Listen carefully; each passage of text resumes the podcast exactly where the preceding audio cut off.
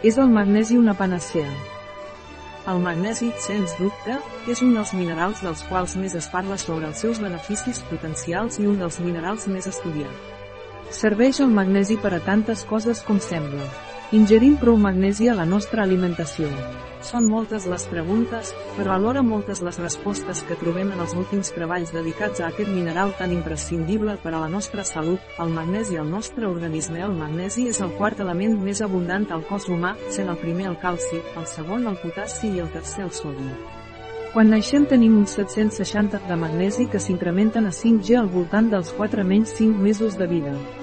A l'edat adulta, la quantitat corporal encara varia entre 20 i 28 grams i el 99% es troba a l'espai intracel·lular, principalment emmagatzemat als ossos, conjuntament amb el calci i el fòsfor, participa en la constitució de l'esquelet, però també als músculs, teixits tous i òrgans. No obstant això, només un menys 2% és present a la sang i als líquids extracel·lulars.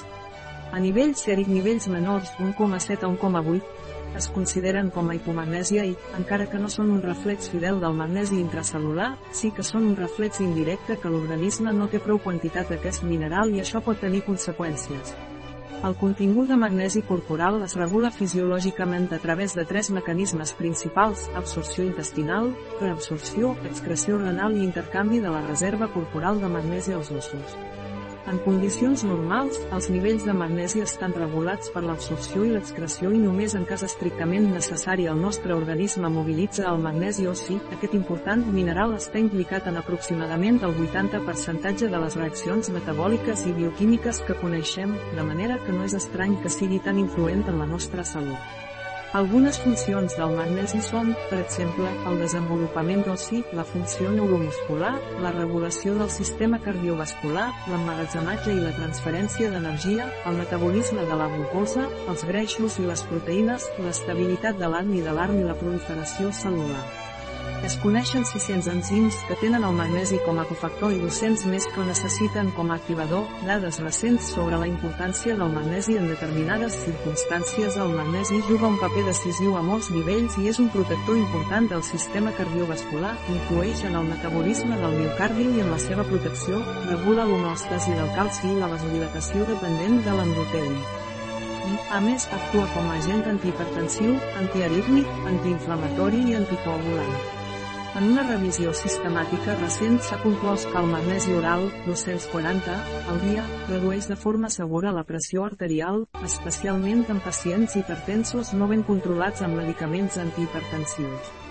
També s'ha observat que es necessiten més de 600 guia de magnesi per reduir de forma segura la pressió arterial en hipertensos que no estan tractats, encara que aquest efecte és més pronunciat en la pressió diastòlica que en la sistòlica es considera una manera segura de millorar la tensió arterial millorant també altres factors de risc cardiovascular sense els efectes secundaris que té els fàrmacs antihipertensius, el magnesi juga un paper imprescindible al sistema nerviós. Una de les principals funcions neurològiques del magnesi és deguda a la seva interacció amb el receptor d'en metil d'espartat.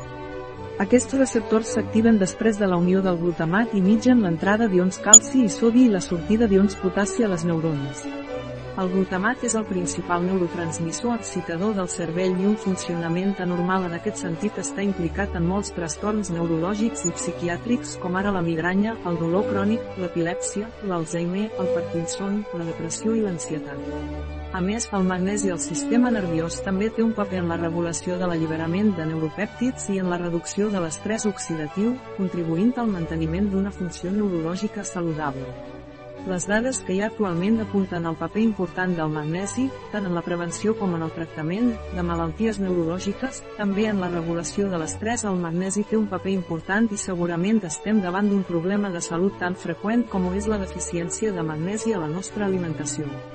Són molts els estudis que han investigat la interacció del magnesi com a mediadors clau de la resposta fisiològica a l'estrès i han demostrat que el magnesi juga un paper clau inhibidor en la regulació i la neurotransmissió de la resposta normal a l'estrès. A més, s'ha observat que les persones que pateixen estrès psicològic o símptomes associats tenen nivells baixos d'aquest mineral i que la suplementació amb uns 300 de magnesi al dia es milloren alguns símptomes com el cansament, la irritabilitat i el son. Tot això suggereix que l'estrès podria augmentar la pèrdua de magnesi i provocar una deficiència, i, alhora, la deficiència i el magnesi podria fer-nos més susceptibles a l'estrès, cosa que resulta un cercle viciós que hauríem d'evitar, donat el rol tan important del magnesi en tantíssims processos metabòlics i bioquímics, fins i tot hi ha treballs que parlen del seu potencial com a ajuda nutricional en pacients amb COV i D19, especialment en aquells que són hipertensos, amb diabetis, que tenen problemes renals, cardíacs o altres circumstàncies de salut que poden complicar l'evolució de la infecció, el magnesi a la nostra alimentació El magnesi es troba en molts aliments, però són especialment rics en aquest mineral als fruits secs, les llavors, els llegums i les verdures, especialment les cols i les de color verd intens pel seu alt contingut en clorofil·la. També el cacau i els cereals integrals són una bona font dietètica. Per això, el consum d'aliments d'origen vegetal i també de l'ús habitual de cereals i pa integrals i no refinats és tan important, així, la deficiència de magnesi pot atribuir-se, en part, a una baixa ingesta d'aquests aliments en una població que no té una alimentació adequada, però també a una disminució en el contingut d'aquest mineral a terra durant els darrers 100 anys. De fet, ja a la dècada de 1930 s'alarmava sobre aquest fet assenyalant l'escassetat de magnesi i altres minerals en alguns aliments i actualment s'estima que els vegetals tenen entre un 80 menys 90 percentatge menys de magnesi del que tenien fa un segle. Aquesta pèrdua de contingut d'aquest mineral en els aliments processats, que contribueix a que la dieta de la població actual sigui pobra en magnesi, segons l'estudi ANIBS, el 80 percentatge de la població espanyola consumeix menors del 80 percentatge de les recomanacions d'ingesta diària de magnesi, de manera que queda palès que el problema existeix i és molt significatiu.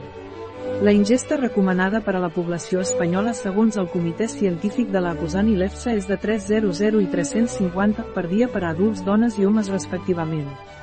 I, encara que, davant l'excreció urinària d'aquest mineral per evitar la hipomagnesèmia, si hi ha ingestes baixes habitualment o pèrdues excessives, a causa de diferents causes com ara l'ús crònic d'alguns fàrmacs, es pot arribar a una deficiència de magnesi.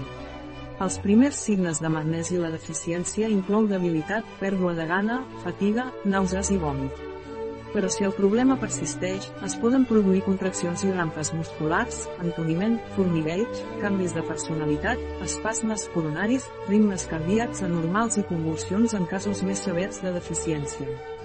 Finalment, la deficiència severa de magnesi pot resultar en hipocalcèmia o hipopotasèmia a causa d'una alteració greu de l'homòstasi mineral a l'organisme. Suplementació de magnesi són molts els productes a força de magnesi que estan al mercat. Els estudis semblen indicar que els productes a base de magnesi orgànic, aspartat, citrat, lactat, bismicinat, han demostrat ser més biodisponibles que aquells amb sals inorgàniques de magnesi, òxid, sulfat, carbonat. Potser cal buscar el producte més adequat per a cada persona, amb una dosificació òptima de magnesi que no produeixi l'únic efecte advers que es pot produir que és cert efecte laxant. No oblidem que aquest efecte es produeix quan no hi ha una bona absorció del magnesi que es queda a la llum intestinal produint una acumulació d'aigua per efecte osmòtic, cosa que afavoreix el trànsit intestinal. Pot ser que aquest efecte ens interessi en algunes persones, però si busquem bona biodisponibilitat és clar que hem de buscar la dosi i la sal de magnesi que no el produeix per garantir una bona absorció. En qualsevol cas, queda clar que incentivar la ingesta de magnesi i complementar la nostra dieta amb aquest mineral és totalment recomanable i coherent sobretot en persones que no aconsegueixen tenir uns hàbits que promoguin una elevada ingesta d'aquest mineral o per a aquelles que tinguin factors de risc per a patologies cardiovasculars, neurològiques o altres associades a l'estrès l'estrès, com ara la tensió muscular, el cansament o les alteracions del son. Alguns productes que podeu trobar de magnesi i que són d'excel·lents marques són Soldà citrat de magnesi, Aquilea magnesi comprimits efervescents, Naturmil magnesi. Com més coneixement es genera sobre el magnesi i les seves funcions a l'organisme, més sabem que realment aquest pan mineral, àmpliament present al nostre organisme, no està tan lluny de ser una panacea. Un article de Catalina Vidal Ramírez, farmacèutica, gerent de Biofarma. La informació presentada en aquest article no substitueix de cap manera l'assessorament d'un metge, qualsevol menció en aquest article d'un producte no representa el suport dels objectius de desenvolupament sostenible a aquest producte.